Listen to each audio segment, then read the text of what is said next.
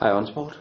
I dag har vi kørt tredje etape af U6 Cykeltur, og i dag der var jeg træt, så Lasse han vandt rimelig suverænt. Han øh, gik udbrud rigtig tidligt på etappen, og det holdt hjem, og så kørte han alene de sidste 30 km. Så det var enormt flot. Derudover så fik vi Foltak på tredjepladsen, og vi ligger også 1 og 3 samlet nu.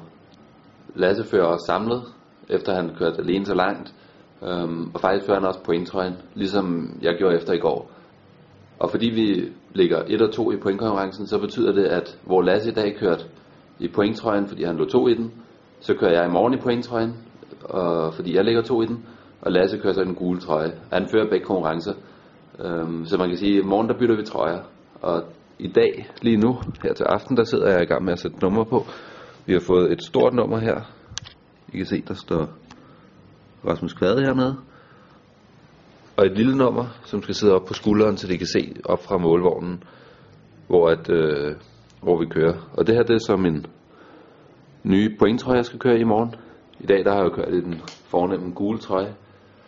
Men det var altid fedt at give den videre til en af sine holdkammerater, når man ved, at han er også er rigtig god. Desværre så var vi røget ned på en anden plads samlet i holdkonkurrencen, men vi har planer om at tage den tilbage føringen i den på enkeltstarten, fordi der er vi alle tre rigtig stærke. Og vi tror også på, at vi er bedre end dem, der fører den nu fra RST Racing Team.